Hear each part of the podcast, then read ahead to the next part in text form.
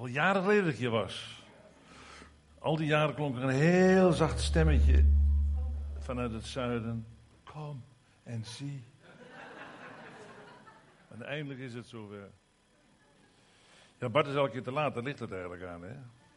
Hij vroeg, kan ik je nog voor volgend jaar uitnodigen? Nou, dat is natuurlijk al helemaal volgeboekt. Nou ja, doe maar. Het is gelukt. We gaan uh, Johannes 3 lezen. Dat verhaal kennen jullie al uit ten treuren. Maar ik ga jullie een paar dingen vertellen die je nog niet weet. Johannes 3. Ik zei tegen mijn vrouw vanmorgen toen ik wegging, hij zegt waar ga het over hebben? Ik zeg over meneer de Mus. Geen flauw idee. Maar het gaat over Nicodemus, maar Hollanders zeggen wel eens voor het grapje. Of Nederlanders moet ik hier zeggen, hè, pas op, neem me niet kwalijk. Neem me niet, Nederlanders zeggen wel eens Nico de Mus. Het gaat over meneer de Mus. Johannes 3. Nu was er een mens uit de Fariseeën, zijn naam was Nicodemus, een overste van de Joden.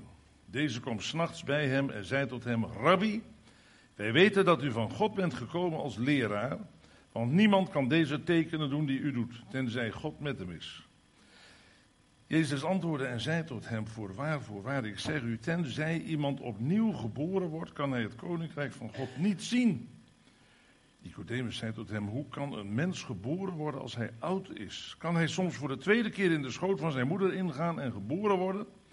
Jezus antwoordde: Voorwaar, voorwaar, ik zeg u, tenzij iemand geboren wordt uit water en geest, kan hij het koninkrijk van God niet binnengaan.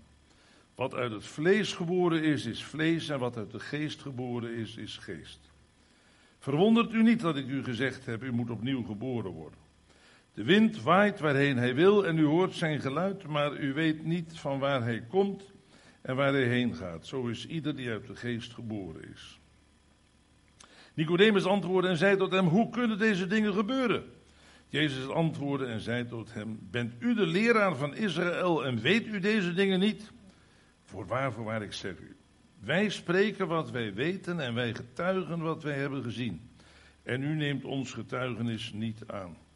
Als ik u de aardse dingen heb gezegd en u niet gelooft, hoe zult u geloven als ik u de hemelse zeg? En niemand is opgevaren in de hemel dan hij die uit de hemel is neergedaald, de zoon des mensen die in de hemel is. En zoals Mozes de slang in de woestijn heeft verhoogd, zo moet de zoon des mensen verhoogd worden. Opdat ieder die in hem gelooft niet verloren gaat, maar eeuwig leven heeft. Want zo lief heeft God de wereld gehad dat hij zijn enige geboren zoon heeft gegeven, opdat ieder die in hem gelooft niet verloren gaat, maar eeuwig leven heeft. Tot zover lezen we.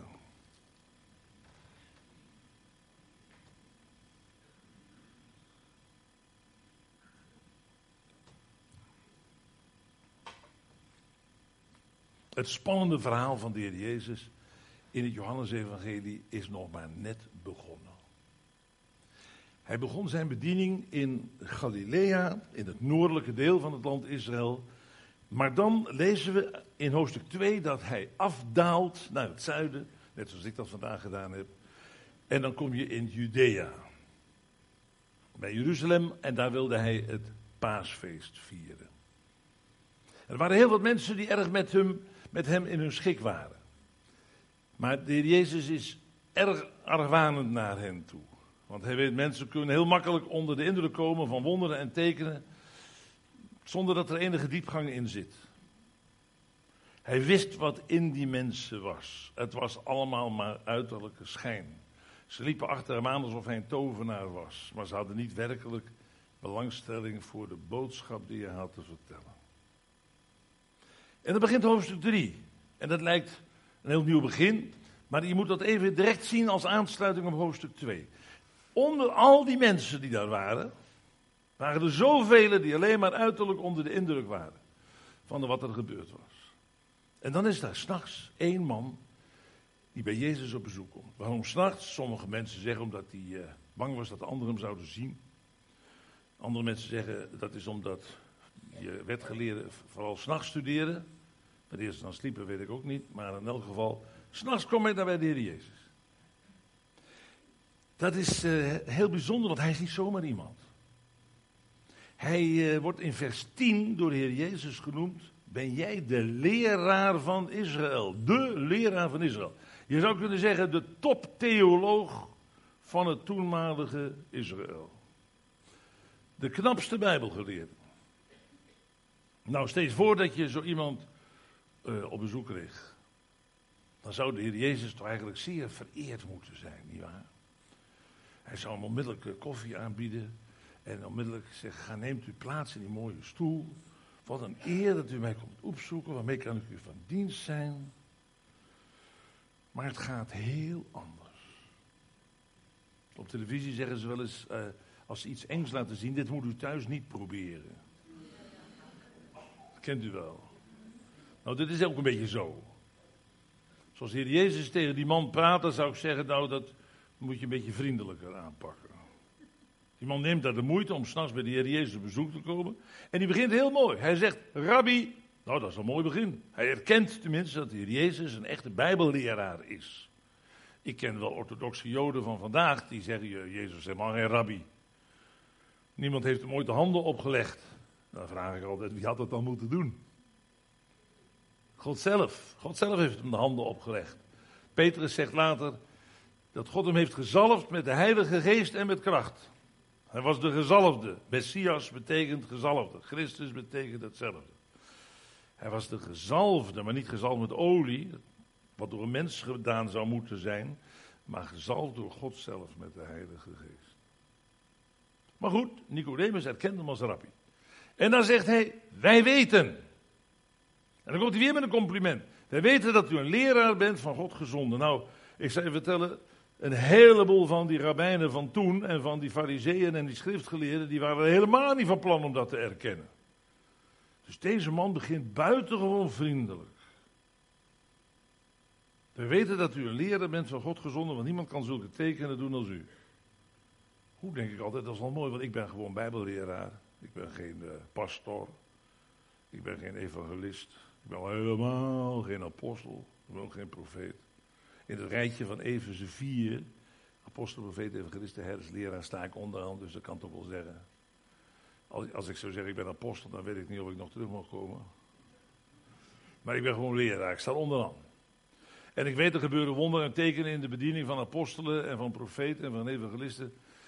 Maar leraar staat onderaan. Maar hier staat, u moet wel een leraar van God zijn, want niemand doet zulke wonderen tekenen als u. Dus ja, dacht ik, wonderen tekenen zijn ook voor de bijbelleraren.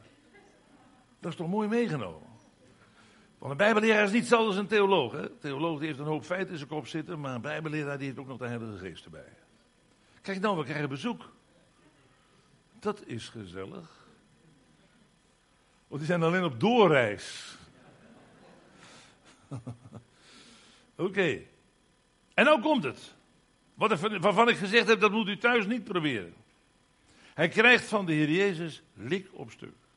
Is dat nou beleefd? Is dat nou aardig en vriendelijk? Deze man zegt, Rabbi, wij weten dat u... Maar ja, weet je, het probleem is, je moet bij de Heer Jezus niet aankomen met wij weten.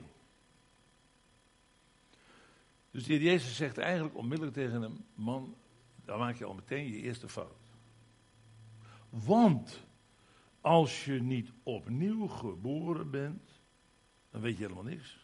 Al ben je de knapste theoloog van Nederland.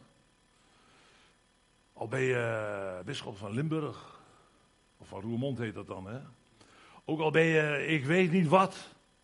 Als je niet wederom geboren bent, kun je het koninkrijk van God niet eens zien. Laat staan er binnen gaan. Je kunt het niet eens onderscheiden. Dan zie je, ik vind theologie erg leuk. Ik, ik, doe dat zelf als vak. Dat heeft uh, de inleider al aangegeven, Jan Pieter.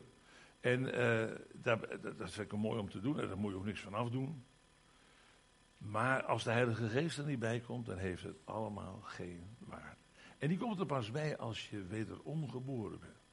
Heel verschil met, met de Samaritaanse vrouw in hoofdstuk 4.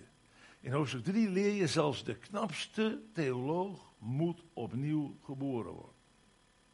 Dat is moed.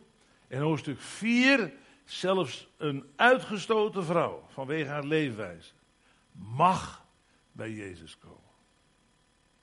Het is dus voor de knapste mensen van Nederland en het is ook voor de meest uitgestoten mensen van Nederland. Ze mogen allemaal komen. Met beleidenis van hun zonde. Ze moeten wederom geboren worden. Dat wel. Maar ze mogen komen. Dus die onvriendelijke ingang van de Heer Jezus, zoals hij begint tegen deze man te praten, dat was in feite om die man duidelijk te maken, lieve, lieve Nicodemus. Er moet wel wat met je gebeuren, man. Ik vind het fijn dat je er bent, maar dan, we moeten wel eens even goed praten met elkaar. Weet je wat het probleem was met mensen als Nicodemus? Dat hij dacht, ja hoor eens, ik ben al Israëliet. Ik hoor er al bij. Ik ben al binnen. Het louter feit dat je Israëliet bent, dat is al genoeg. Ik ken het verhaal van een Duitse Jood, Frans Rosenzweig. In de jaren 20, 30 was het ongeveer, denk ik. Die sterk overwoog om christen te worden. Hij heeft een hele nacht erover gedaan, heeft met zichzelf geworsteld. En tenslotte heeft hij het niet gedaan. Want hij zei: Jezus heeft gezegd. Ik ben, het woord, ik ben de weg, de waarheid en het leven. Niemand komt tot de Vader dan door mij. Niemand komt tot de Vader dan door mij. Ja, dat geldt voor de heidenen. Die moeten via Jezus bij de Vader komen. Maar wij Joden zijn al bij de Vader. Dat was de vergissing van Nicodemus. Wij horen er al bij. voor wie is het koninkrijk Gods? De Messias, als hij komt, dan zal hij koning van Israël worden. We hebben daar straks prachtige liederen over gezongen. En wie zullen daar binnenkomen in dat koninkrijk? Israël. Dat is voor Israël bedoeld. God heeft zijn koning gezalfd over Sion, lezen we in Psalm 2. Eh, en uh, wij zijn er dus al automatisch bij. En dan maakt de Jezus duidelijk dat dat niet zo is. Nou voelt die theoloog zich toch een beetje in zijn wiek geschoten. En daarom zegt hij iets wat schijnbaar erg dom is voor een theoloog. Hoezo wedergeboren? Moet je dan opnieuw in de schoot van je moeder binnengaan en op de tweede keer eruit komen? Ja, wat is dat dan voor een stomme opmerking, zeg. Zelfs de kinderen in de zonderschool weten dat beter. Ik denk dat die man een beetje in zwiek geschoten was, zoals ik zei. En daarom zo dom praten doet. Hij wil Jezus uit de tent lokken. Nou, dan moet je bij Jezus niet mee aankomen. Weet je nog die andere wetgeleerde? Dat was ook zo mee. Die wil zeggen, wat kan ik doen om het eeuwige leven te bergen? Dat wil zeggen, hoe kom ik het Messiaanse koninkrijk binnen? Nou, zegt de Jezus, dat weet je toch wel. God liefhebben boven alles in je naast als jezelf. Als zo'n knappe geleerde met zo'n simpel antwoord het bos ingestuurd wordt, dan moet hij zich natuurlijk rechtvaardigen. Staat er ook bij, hij wilde zich rechtvaardigen. Hij wilde gelijk hebben, betekent dat. En hij zegt, eh, eh, wie is dan wel mijn naaste? En dan komt die prachtige gelijkenis van de barmhartige Samaritaan. Kijk, dat is het probleem met theologen. Ik ben er zelf ook in. Maar dat is het probleem met theologen. En die zijn natuurlijk zo geleerd. Het is heel moeilijk om die bij de bron te krijgen. En dan zegt de Heer Jezus, als je niet geboren wordt uit water en geest, dan kun je het koninkrijk van God niet binnengaan. Nou, geboren worden uit de Heilige Geest, dat is nog niet zo moeilijk te begrijpen. Want het water is, daar zijn vele meningen over, laten we maar simpel houden. Dat water is of een beeld van het woord van God. Je wordt gereinigd door het water van het woord. Of het is een ander beeld voor de Heilige Geest. Je moet wedergeboren worden door water, namelijk door de Geest. Toen maar laat me verder zitten. Laten we zeggen, je moet wedergeboren worden door woord en geest. Het woord moet verkondigd worden. Het wordt toegepast op je hart door de Heilige Geest. En het gaat je hart veranderen, vernieuwen. En de Heer Jezus zegt tegen hem: Hoe komt dat jij die dingen niet weet, man? Je bent de leraar van Israël. Hoezo had hij dat dan kunnen weten? Jazeker. Want in het Oude Testament in het boek van Ezekiel, hoofdstuk 36, daar lees je dat als straks de Messias komt en het Messiaanse Rijk wordt opgericht, dan kom je er als Israëliet niet zomaar binnen. Dan moet je oude hart eruit genomen worden. Dit is een soort harttransplantatie. Je krijgt een nieuw hart in je binnenste. Een steenhart gaat eruit, er komt een geestelijk hart erin. En de Heilige Geest wordt in je hart uitgestort. En uh, alleen zo kun je binnenkomen. Nou, dat is precies wat hier Jezus deze wedergeboorte noemt. Dat had Nicodemus al lang moeten weten. Maar eigenlijk illustreert de Heer Jezus door deze dingen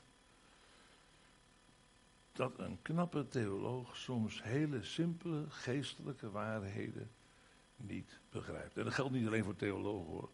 Dat geldt voor iedereen die zich iets verbeeldt. Die kunnen hier ook zitten. Er zijn hier mensen die zich wat verbeelden. Even je vinger opsteken. Ik zie daar één hand. Er is altijd wel een grappenmaker in de zaal die de hand opsteekt. Maar misschien is die persoon die de hand opsteekt wel de enige eerlijke. Want er zijn er vast nog wel meer. Van, ik ben toch wel niet eerste de beste. In de eerste plaats, ik ben Limburger, kom daar maar eens om. Ik heb al trouwens al heel wat import hier gezien, allemaal migranten. Uit Holland en weet ik het al wat voor landen. Eh, maar je kunt je heel wat verbeelden. Door je studie, door je baan, door je geld dat je hebt. Uh, weet ik veel. Je kunt je een heleboel verbeelden. En, en, het probleem is bij het koninkrijk Gods dat de Heer Jezus daarvan zegt: de poort is smal. Dat wil zeggen, je moet heel klein worden voordat je er doorheen kan.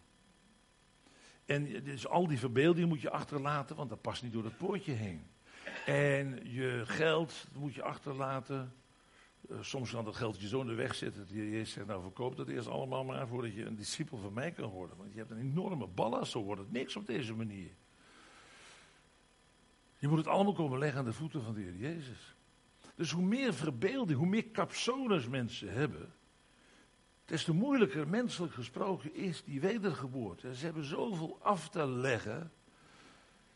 Je moet heel klein worden. In Jezaja 57 zegt God dat hij woont in de hoge hemel. Maar hij woont ook bij mensen die van een verslagen en verbrijzelde geest zijn. Een mooie uitdrukking. Dat zijn mensen die heel klein geworden van zichzelf. Die al hun capsones laten varen. De heer Jezus ik ben niet gekomen voor rechtvaardigen, maar voor zondaren. Want die rechtvaardigen, die zijn zo rechtvaardig, die hebben geen bekering nodig, geen wedergeboorte nodig, die hebben alles al, die weten alles al. Die, uh, nee, ik ben gekomen voor zondaren. Dan zeggen wij natuurlijk, elk mens is een zondaar, ja. Maar die Jezus bedoelt, je moet dan ook wel eerst durven erkennen dat je het heil nodig hebt. Want anders val je er buiten. Nicodemus, die wil dan precies weten, hoe gaat dat nou met die wedergeboorte? Nou, dan ben ik toevallig uh, mijn dogmatische reeks, ik heb een hele dogmatische reeks van twaalf delen. Waar zit Jan-Pieter? Jan-Pieter is van. Oh, daar zit hij. Die hoorde ook bij die boeken waar jij het over had. Twaalf delen. En die ben ik nu aan het vertalen in het Engels. Want je hebt meer mensen op aarde die Engels spreken dan Nederlands, heb ik ontdekt. Uh, en uh, ik ben nou bezig met dat deel over bekering, wedergeboorte enzovoort. Dus we zitten even goed in. En dit is wel heel bijzonder. Want deze man die vraagt, hoe werkt dat nou? Nou, er zijn altijd discussies geweest. Gaat de wedergeboorte nou geleidelijk? Stel je nou dat je in een christelijk gezin groot wordt. Je hebt eigenlijk nooit een dramatische omkering meegemaakt. Je bent van, van kinds af aan opgegroeid in de dingen van de Heer. Nou, daar is niks mis mee. Met Timotheus ging het ook zo. Hij van kinds af aan het goede woord van God gehoord. En hij groeide erin zonder zo'n dramatische omkeer zoals Saulus van Tarsus meegemaakt heeft. Ja, zo gaat het. Bij de een gaat het zo, met een dramatische verandering. En bij de ander gebeurt het met een uh, heel geleidelijk proces. Mijn vrouw gaat wel eens op bezoek bij een dame die nu al 92 is. En die is in haar jeugd getrouwd met een ongelovige man. Dat was natuurlijk niet zo netjes. Ze was uit een zeer degelijke kerk afkomstig, waar zulke dingen zeer ongepast waren. Trouwens, ook in minder degelijke kerken zijn zulke dingen zeer ongepast. Je moet niet met een ongelovige trouwen natuurlijk. Dan kun je het belangrijkste wat je hebt in je leven niet met hem delen. Maar ze heeft het toch gedaan. Maar ze heeft wel heel veel gebeden dat haar man tot geloof mocht komen. Maar die man was een echte wereldling. Hij was niet vijandig. Hij was gewoon onverschillig. Het interesseerde hem niet. Hij zou haar elke keer wel eh, daarheen brengen. Want eh, ze had niet altijd beschikking over een auto. Ze waren hele rijke mensen. Ze had van vaak een chauffeur, maar die had ook niet altijd. Zo eentje was het, met chauffeur. En op een gegeven ogenblik zei ze: Nou, luister, mijn chauffeur is er niet en ik kan zelf niet rijden. Weer maar alsjeblieft erheen brengen. Maar het is nogal ver weg. Dus hij zei: Nou ja, dan moet ik toch van arme moeder maar die samenkomsten bijwonen. En die vrouw die had eigenlijk nog helemaal niet de zekerheid van het geloof. Ze kwam uit zo'n zware kerk. Daar ben je niet zomaar in één keer eh, zeker van je geloof. Hoor. Dat kan soms een heel leven duren. En ze is eigenlijk, eigenlijk nog steeds een beetje ermee aan het tollen. Nou, tussen de middag, toen die man begraven werd, heb ik het hele verhaal gehoord. Want die zou intussen ook 92 zijn geworden. Maar toen die man begraven werd, is het hele verhaal nog eens verteld. In de, in de middagpauze sprak iemand hem over het geloof aan en hij zei, luister eens, ik ben hier vanwege mijn vrouw, ik heb met de hele zaak niks te maken. het interesseert me niet. Ik kom hier uit liefde voor haar en ik vind het allemaal heel uh, leuk om eens een keer mee te maken, maar verder moet je niet aan me zeuren. En die man die dat aan hem vroeg, die vertelde later, ik was stom verbaasd toen in de middag, na de middagpauze, er een oproep tot bekering kwam in het tweede deel van die conferentie. En wie gaat daar naar voren? Wat denken jullie? Ja, je hebt goed. Die man. Die man is die middag radicaal van 0 tot 100 bekeerd. Terwijl die vrouw nog aan het groeien was, die was ongeveer bij 30 aangekomen. En daar had ze 30 jaar over, nee 40 jaar over gedaan. Ik probeer het zomaar uit te leggen. Dus die vrouw die zei, huh? Hij had haar in één klap ingehaald. Weet je, er zijn geen twee bekeringsverhalen hetzelfde. Sommige mensen vinden het leuk om bekeringsverhalen te lezen. En dan zeg ik altijd, nou doe dat maar, dan weet je in ieder geval ook bij jou niet gebeurt. Want het gebeurt altijd anders. En de Heer Jezus maakt dat duidelijk door een beeld. Het beeld van de wind.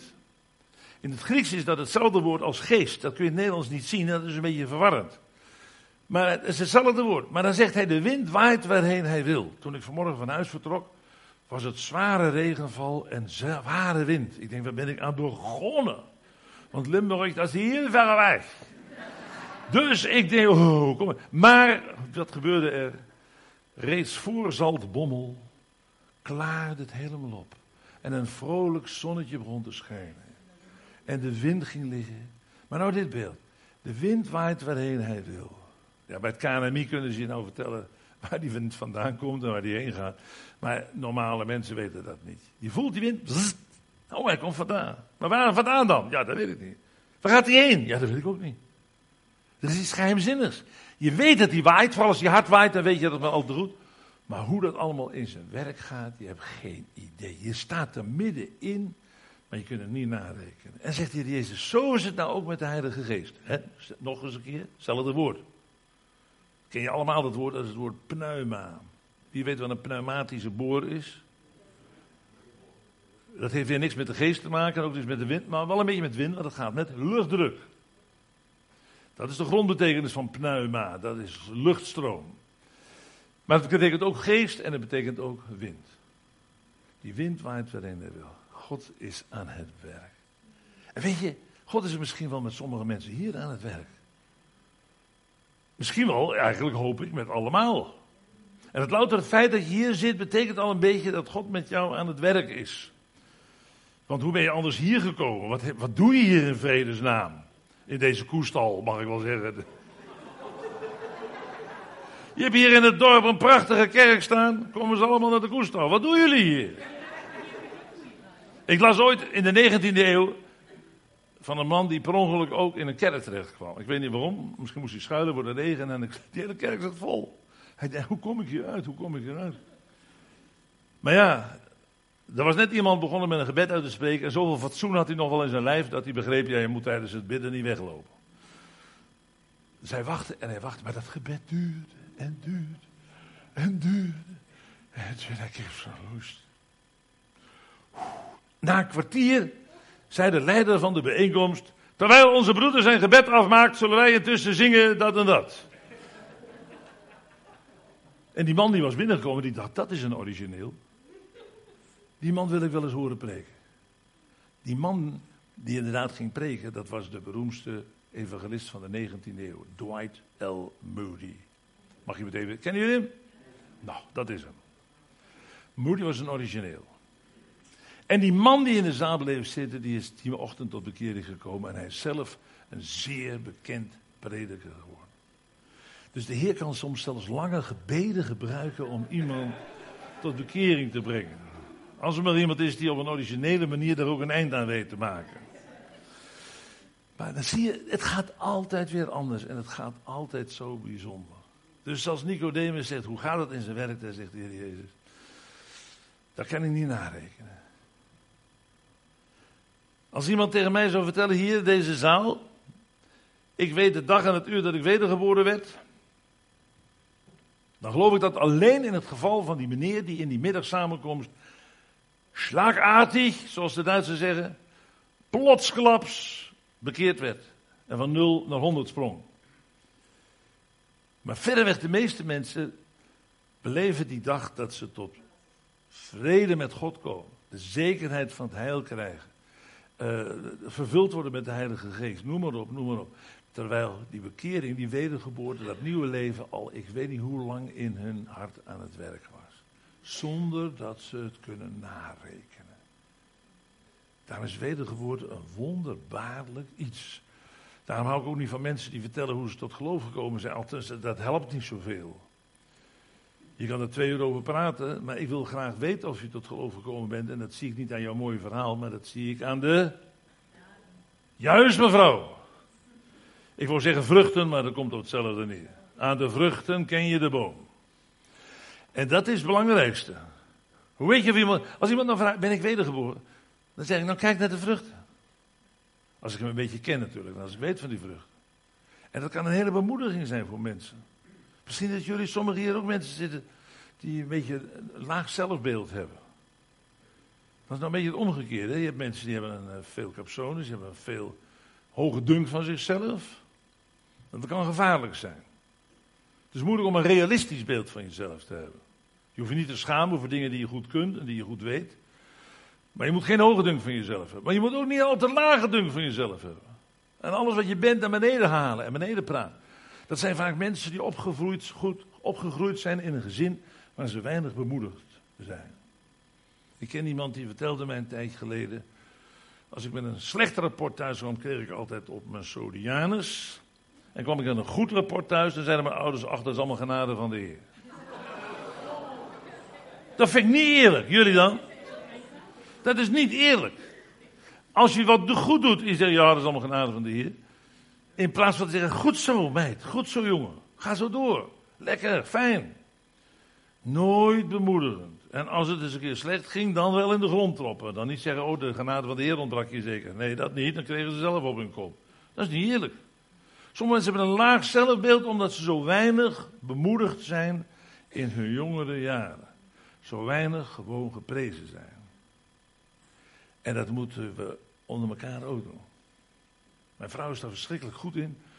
Uh, ze is uh, vanmiddag op een vrouwenbijeenkomst. Zij is altijd degene die in voor zorgt dat er aan het einde bedankt wordt. En dat degene die het georganiseerd hebben een aardigheidje krijgt.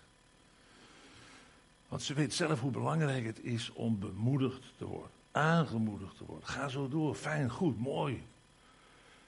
Veel belangrijk. Dus laag celbeeld ook niet. Als de vruchten er zijn, is dat mooi. Bij Nicodemus zien we de vruchten. Later in hoofdstuk 7 is hij degene die voor de Heer Jezus opneemt. En de anderen die komen tegen hem in opstand en zeggen, wat? Hoe kun je nou zo praten man? En later die weten, toen de Heer Jezus gestorven was en begraven zou worden, kwam hij met Jozef van Arimathea. En ze hadden een heleboel specerijen bij zich om uh, te helpen bij de begrafenis van de Heer Jezus. En het lichaam eer te bewijzen. Wauw, wat een mooie kerel. De vruchten werden zichtbaar. Maar hier zijn we nog niet zo ver. En dan zegt de Heer Jezus iets. En, laat ik eerst eens even dit zeggen. Laat ik eerst eens even dit zeggen. Als wij met iemand spreken over het geloof, en dat hebben jullie vast wel eens gedaan, want daar zijn we voor geroepen. De Heer Jezus heeft gezegd, de Heilige Geest zal over jullie komen en jullie zullen mijn getuigen zijn tot aan de einden der aarde. Van Rode School tot uh, IJsden. Jullie zijn mijn getuigen van het, door het hele land heen. En, uh, en zelfs door de hele wereld heen. En wanneer ben je dat? Gelegen en ongelegen. Dat wil zeggen, je moet, als je de gelegenheid hebt, getuigen. Nee, ook als je niet de gelegenheid hebt. Gelegen en ongelegen betekent ook als het jou niet uitkomt. Maar je ziet heel duidelijk, hier moet ik van de Heer getuigen. Dan, uh, dan moet je dat doen. Dat is niet zo makkelijk. Ik vind het eh, makkelijker om voor een zaal van duizend mensen te spreken. als zomaar iemand op straat aan te spreken en te zeggen: Ken je de Heer Jezus? Dat is niet zo mijn ding. Ik heb liever die duizend mensen. Dus iedereen moet het op zijn manier doen. Ik weet wat in een van onze gemeenten een, eh, een, een kapper. En ze zeiden: luister, als die mensen allemaal onder jouw mes zitten. Het was nog in de oude tijd van de barbier, weet je wel. Dan schoor je jezelf nog niet. Zaterdagavond ging je allemaal naar de barbier. En ze zeiden: die, die zit ook allemaal onder het mes. Die zijn ingezeept, kunnen niet terugpraten. Kun je toch heerlijk getuigen? Net bij de tandarts, hè? Tandarts kan ook heerlijk getuigen, want je kan toch niet terugpraten. Nou, die barbier dacht, nou ja, dan moet ik dat dan maar eens een keer proberen. Hij was wel doodzenuwachtig. Maar er zat weer zo'n man in stoel, helemaal ingezeeld laken om zich heen. En hij was zijn mes aan het slijpen. Je voelt hem al aankomen. En hij zegt tegen die klant, bent u bereid om te sterven? Waarop die man gillend naar buiten rende. Zo moet je dus ook niet doen. Je moet een beetje je kopje erbij gebruiken.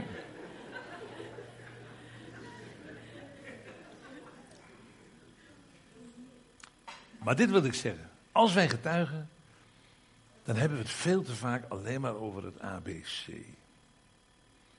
En dat vind ik wel een beetje armetierig. Ik bedoel dit. Het is wel een beetje armetierig als je nou alleen maar de indruk geeft. Het geloof, dat gaat over drie dingen. Jij bent een zondaar, die bent op weg naar het eeuwige verderf. Ten tweede, de Heer Jezus is gestorven voor al degenen die in hem geloven. Ten derde, als jij in geloof aan hem toevertrouwt, mag je weten dat je zonden vergeven zijn en wordt je behouden. Kan je twaalf seconden het hele evangelie uitleggen. Maar er zijn te veel christenen die denken dat het ook zo'n beetje alles is. Er staat in Matthäus 24, vers 14 dat het evangelie van het koninkrijk over de hele wereld zal worden verkondigd. In de nadagen, want als, dat helemaal, als alle volkeren bereid zijn, dan komt de Heer Jezus terug. Evangelie van het koninkrijk. Maar als ik nu in diezelfde mensen vraag, vertel me dat ook eens. Je hebt nou net uitgelegd het evangelie van Gods genade voor arme zondaars. Leg me ook eens uit, wat is het evangelie van het koninkrijk? Staan ze met de mond vol tanden. Ze hebben maar een heel klein geloofje. Ze hebben een heel dun bijbeltje. Terwijl de Heer Jezus die meteen begint over het koninkrijk Gods. En elke Jood, die was daar natuurlijk zeer mee bezig.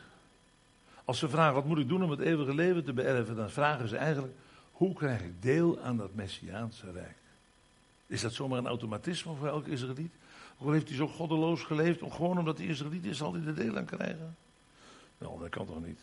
Hoe krijg je er dan deel aan?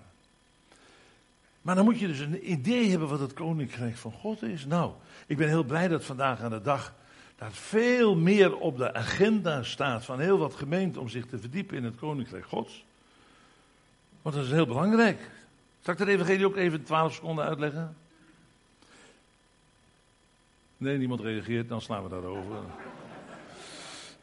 Oké, dankjewel, dankjewel. Dan. Uh, jij bent in een deel van het rijk van Satan. En als je zo doorgaat, dan ga je straks met het rijk van Satan te gronden. Maar, hoera! Er is een nieuw rijk gesticht. Door iemand die sterker is dan de duivel, die de duivel zelfs overwonnen heeft. En hij zit aan Gods rechterhand. En als, je straks terug, als hij straks terugkomt, gaat hij zijn rijk oprichten. En als je de Bijbel hoort, moet je nu voor hem kiezen, aan zijn zijde gaan staan. Je draait dat uh, rijk van de duivel de rug toe. En je gaat over naar het rijk van God. Hoe doe je dat?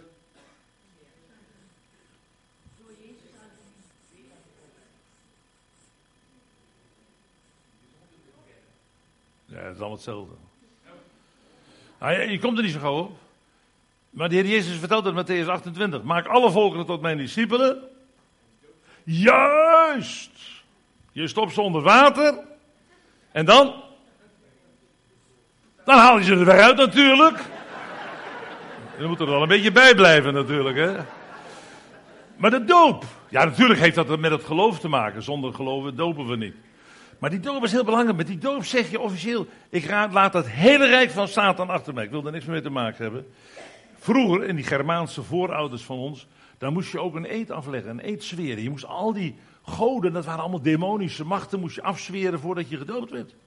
Je moest zeggen, ik wil niks meer met Wodan en Thor en eh, hoe ze allemaal mogen heten, vrij te maken hebben. Ik wil voortaan alleen maar Jezus dienen. Dat is het evangelie van het koninkrijk. En weet je wat zo mooi is? Omdat dat mensen toe brengt discipelen, volgelingen van Jezus te worden. Ik zeg nog eens met deze 28. Maak alle volkeren tot mijn discipelen. Door ze te dopen en ze te onderwijzen, te vertellen alles wat ik jullie geboden heb. Dus ze moeten de regels van het koninkrijk leren kennen. Zo gauw je hier de grens overkomt van het Duitsland, dan moet je weten wat zijn hier de verkeersregels. Want anders wordt het een puinhoop. Je moet de regels van het koninkrijk leren kennen. Dat is waar hier eerst meteen over begint. En wij weten vaak zo weinig van het koninkrijk. Maar dan zegt hij in vers 11, of eh, daaromtrent, eh, vers 12. Als ik jullie de aardse dingen heb gezegd, En jullie niet geloven. Hoe zullen jullie geloven als ik de hemelse dingen zeg? Nou, dat is een raadselachtig vers. Ik weet niet hoeveel tijd ik nog. Ik ga gewoon door, kan me niet schelen ook. Ik, ik ben heel lang gekomen zeggen, dan zal ik tegen nou wel ophouden, helemaal. Maar dat is een heel raadselachtig vers. Wat bedoelt hij nou met die hemelse dingen? Nou, luister, heel veel mensen weten het niet, maar ik ga het jullie uitleggen. Dan, dan weten jullie het wel. Die aardse dingen, dat, hoe gek het ook klinkt, bekering, koninkrijk gods, ja dat koninkrijk is hier op aarde. Het heet wel het koninkrijk der hemelen, het is een hemels koninkrijk, maar wel hier op aarde. Is het belangrijk, ja geweldig belangrijk. Als straks de Jezus komt, gaat hij dat koninkrijk vestigen hier op aarde. Jeruzalem wordt de hoofdstad en alle volkeren zullen opgaan om daar de wet van God te leren. En ze zullen deel krijgen aan de zegeningen, de vrede en de gerechtigheid van het Rijk. Waar? Op aarde. Nou, als je nou ziet hoeveel mensen al moeite hebben met die leer van het koninkrijk. Hoe moet het nou wel als de Heer Jezus zegt, als ik nou over de hemelse dingen ga praten. En wat zijn nou die hemelse dingen? Dan moet je even verder kijken in het hoofdstuk. Ik, ik ga het toch proberen, want uh, jullie zijn toch een bijzonder volk, Limburgers. En er zal vast wel iemand bij zijn die dat weet. Kijk even verder, lees die versen die erachteraan komen en kijk of je iets hemels ziet. Dan moet je niet naar mij kijken, dan moet je in je Bijbeltje kijken. Wat staat er in die verse Paul daarachter? Wat je als hemels zou kunnen aanduiden. Wat zeg je? Ja, vind ik wel mooi, maar niet goed genoeg. Gods liefde is het middel om tot het hemelse te komen. Wat is dat hemels? Jawel, iemand weet het. Lees goed. Wat voor hemels kom je daar tegen?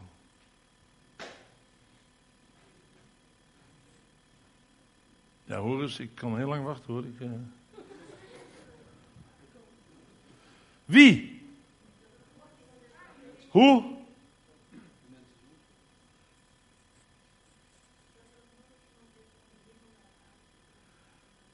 Ja, dat vind ik ook wel mooi. De Heer Jezus zegt uh, dat hij de zoon des mensen is, die in de hemel is en, en, die uit de hemel is neergedaald. Ja, daar heeft het heel goed mee te maken. En die persoon die zoveel verbeelding had, weet hij het misschien? Dat was u toch, mevrouw? U, u stak toch uw hand uit dat u...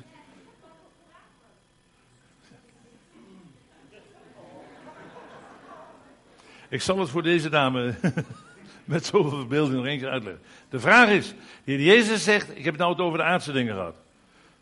En, en, dat vatten jullie al niet. Hoe moet het dan wel niet als ik het over de hemelse dingen ga hebben? Mijn vraag was toen, mevrouw, kijk eens in de verse Paul 8, vers 12, of je iets hemels tegenkomt. Hebben u de vraag? Wat? Wie zei dat?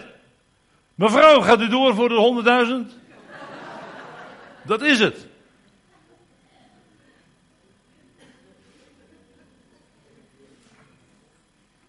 Zou jij van mij nog een glas water willen halen?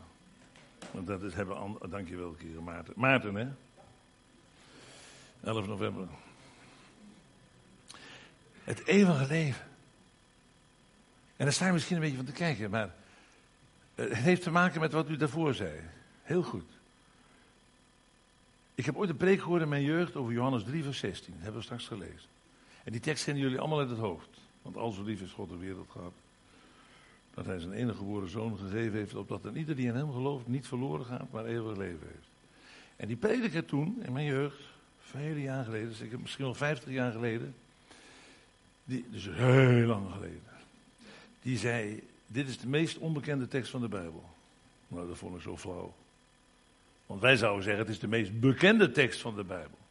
En hij zegt, dat komt omdat een heleboel mensen denken dat er staat, uh, of dat er ieder die gelooft niet verloren gaat, maar straks naar de hemel gaat. Maar dat staat er niet. Of uh, vergeving van zonde krijgt. Ja, dat is mooi, maar dat staat er niet. Of uh, verlossing krijgt. Ja, dat is mooi, maar dat staat er niet. Er staat op dat er niet die gelooft eeuwig leven heeft. Heeft. En heel veel mensen denken eeuwig leven betekent dat we altijd zullen voortleven. Ja, dat zullen de goddelozen ook. Of, of dat we naar de hemel zullen gaan, maar dan zegt Heer Jezus niet, je gaat het eeuwige leven binnen. Je hebt het. Wat dan? Wat heb je dan precies? Nou, dat is de vraag. Dat is de vraag. En dat is op zichzelf een hele nieuwe preek om daar helemaal over uit te wijden. Maar ik zeg nog eens een keer, zie je dat in dit gewone geloofsgesprek. En bij de Samaritaanse vrouw in hoofdstuk 4 is dat net zo. Dan gaat hier Jezus spreken over aanbidding en waar de plaats van aanbidding is. En, en wat de eisen van aanbidding zijn. Wauw, dat is een onderwerp voor gevorderden zou je denken. Maar de Jezus blijft nooit staan bij dat ABC van het geloof. Hij brengt hier de diepste dingen ter sprake. Maar het is, ik geloof dat u dat was, mevrouw. U, u zei het heel mooi. En, Paul, en Johannes legt het uit in zijn eerste brief, in het eerste hoofdstuk. Dat eeuwige leven is als het ware het leven van de hemel. En dat is in de persoon van de Heer Jezus hier op aarde gekomen. En dat is ons deel geworden. Heel veel mensen zijn bezig met de vraag: hoe kom ik in de hemel? Maar God is ook bezig met de vraag: hoe krijg ik de hemel in die mensen? Dat heet eeuwige leven. Dus eh, ook al zou het nog zo lang duren voordat u naar de hemel gaat, de hemel is al in u. Dat is een ongelofelijke gedachte. Kennen jullie een waterspin? waterspin heeft longen en leeft toch onder water. Maar dat komt, hij heeft altijd een bubbel lucht om zich heen. Dus hij ademt gewoon in die lucht. En als die eh, lucht verbruikt is, dan gaat hij naar boven om bij te tanken. Maar hij, hij leeft in water, maar hij wordt niet nat. En hij ademt gewoon. Hij zit in die bubbel. Zo is het eigenlijk ook met christenen. We leven nog in deze wereld, maar we leven in een hemelse bubbel. En we ademen hemelse sferen. En dat bedoel ik helemaal niet zweverig of mystiek of wat dan ook. Maar degene die uh, mijn God is, dat is de God van de hemel. Degene die mijn Heer is, dat is degene die zit aan Gods rechterhand in de hemel. Het leven dat in me is, dat is leven dat rechtstreeks uit de hemel komt. Wauw.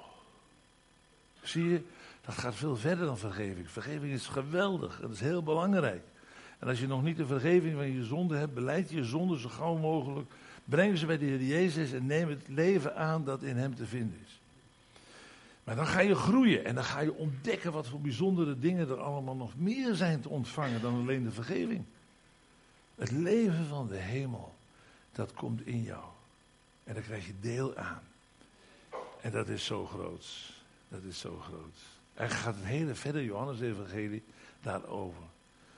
Johannes 17 zegt hier Jezus zelf tegen zijn vader: Dit is het eeuwige leven. Dat, ja, verder? Ja, goed. Wie zei het nou? Zei u het of zei Oh, die mevrouw zei. Sorry, ik kijk naar de verkeerde. Dit is het eeuwige leven. Dat zij u kennen. De enige waarachtige God. Je zou kunnen zeggen dat ze u kennen zoals de Heer Jezus God kent. Namelijk als zijn vader. En dat ze de Heer Jezus zullen kennen zoals de Vader hem kent. Als zijn geliefde zoon. En Johannes 17 zie je helemaal wat het eeuwige leven is ingebracht zijn in de intimiteit van goddelijke persoon. Die Vader, die Zoon, de Heilige Geest zijn, dat is een heel groot onderwerp, zijn van eeuwigheid met elkaar verbonden. De enige drie-eenheid. Dat is overeenkomst met onze katholieke vrienden. Hè? Deze centrale waarheid, die delen wij met hen. Je kunt over heel veel dingen meningsverschillen hebben. Dat mag ik wel eens zeggen in het katholieke zuiden. Maar hierin denken wij gelijk, althans de orthodoxe, protestanten en de orthodoxe katholiek. Maar hierin denken wij gelijk. De ene God is Vader, Zoon, Heilige Geest. En in die intimiteit zijn wij gebracht. Zijn vader is mijn vader. Zijn zoon is mijn Heer, is mijn leven. Wie de zoon heeft, die heeft het leven. Wie het leven heeft, die is in de intimiteit van God de Vader gebracht. Nou, dat zijn nog eens geloofsgesprekken, nietwaar? Waarbij meteen al bij een man die misschien nog niet eens wedergeboren is, hoewel die tegen deze tijd misschien wel is. Tegen dat we tijd dat we in vers 16 zijn aangekomen, want zo werkt de wind van de geest. Spreekt de Heer Jezus over zulke diepe, diepe dingen. Stel je nooit tevreden met het ABC. Pas hoorde ik nog een bekende kerkleider in Nederland zeggen. We willen niets anders weten dan Jezus en die gekruisigd. En dat kriebelt me altijd. Want Paulus schrijft dat als hij op weg gaat naar die zondige havenstad Korinthe. Om daar het evangelie te vertellen. En dan denkt hij, je moet niet met filosofische verhalen aankomen zoals in Athene. Ik moet gewoon bats, klats. Het hebben over Jezus aan een kruis. Als mensen dan toch tot bekering komen, dan moet het wel van God zijn. Want voor de rest is dat zo'n dwaze boodschap.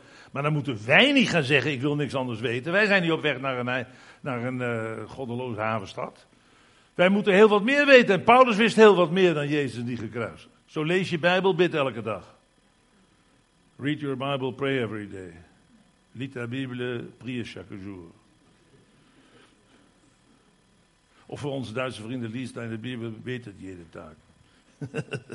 Elke taal heeft dat. Lees je Bijbel en ga op zoek naar de schatten van Gods rijkdommen. In een elementair gesprek komt het al aan de orde. Nou, dan moeten wij het toch zeker weten. Net is de Samaritaanse vrouw. Oh, dat is het zijn dat ik moet ophouden. Uh, bij de Samaritaanse vrouw over aanbidding. Wauw. Zullen we samen gaan bidden? Dan gaan we dat uh, vragen aan de Heer om ons verder te leiden in al die kostelijke dingen.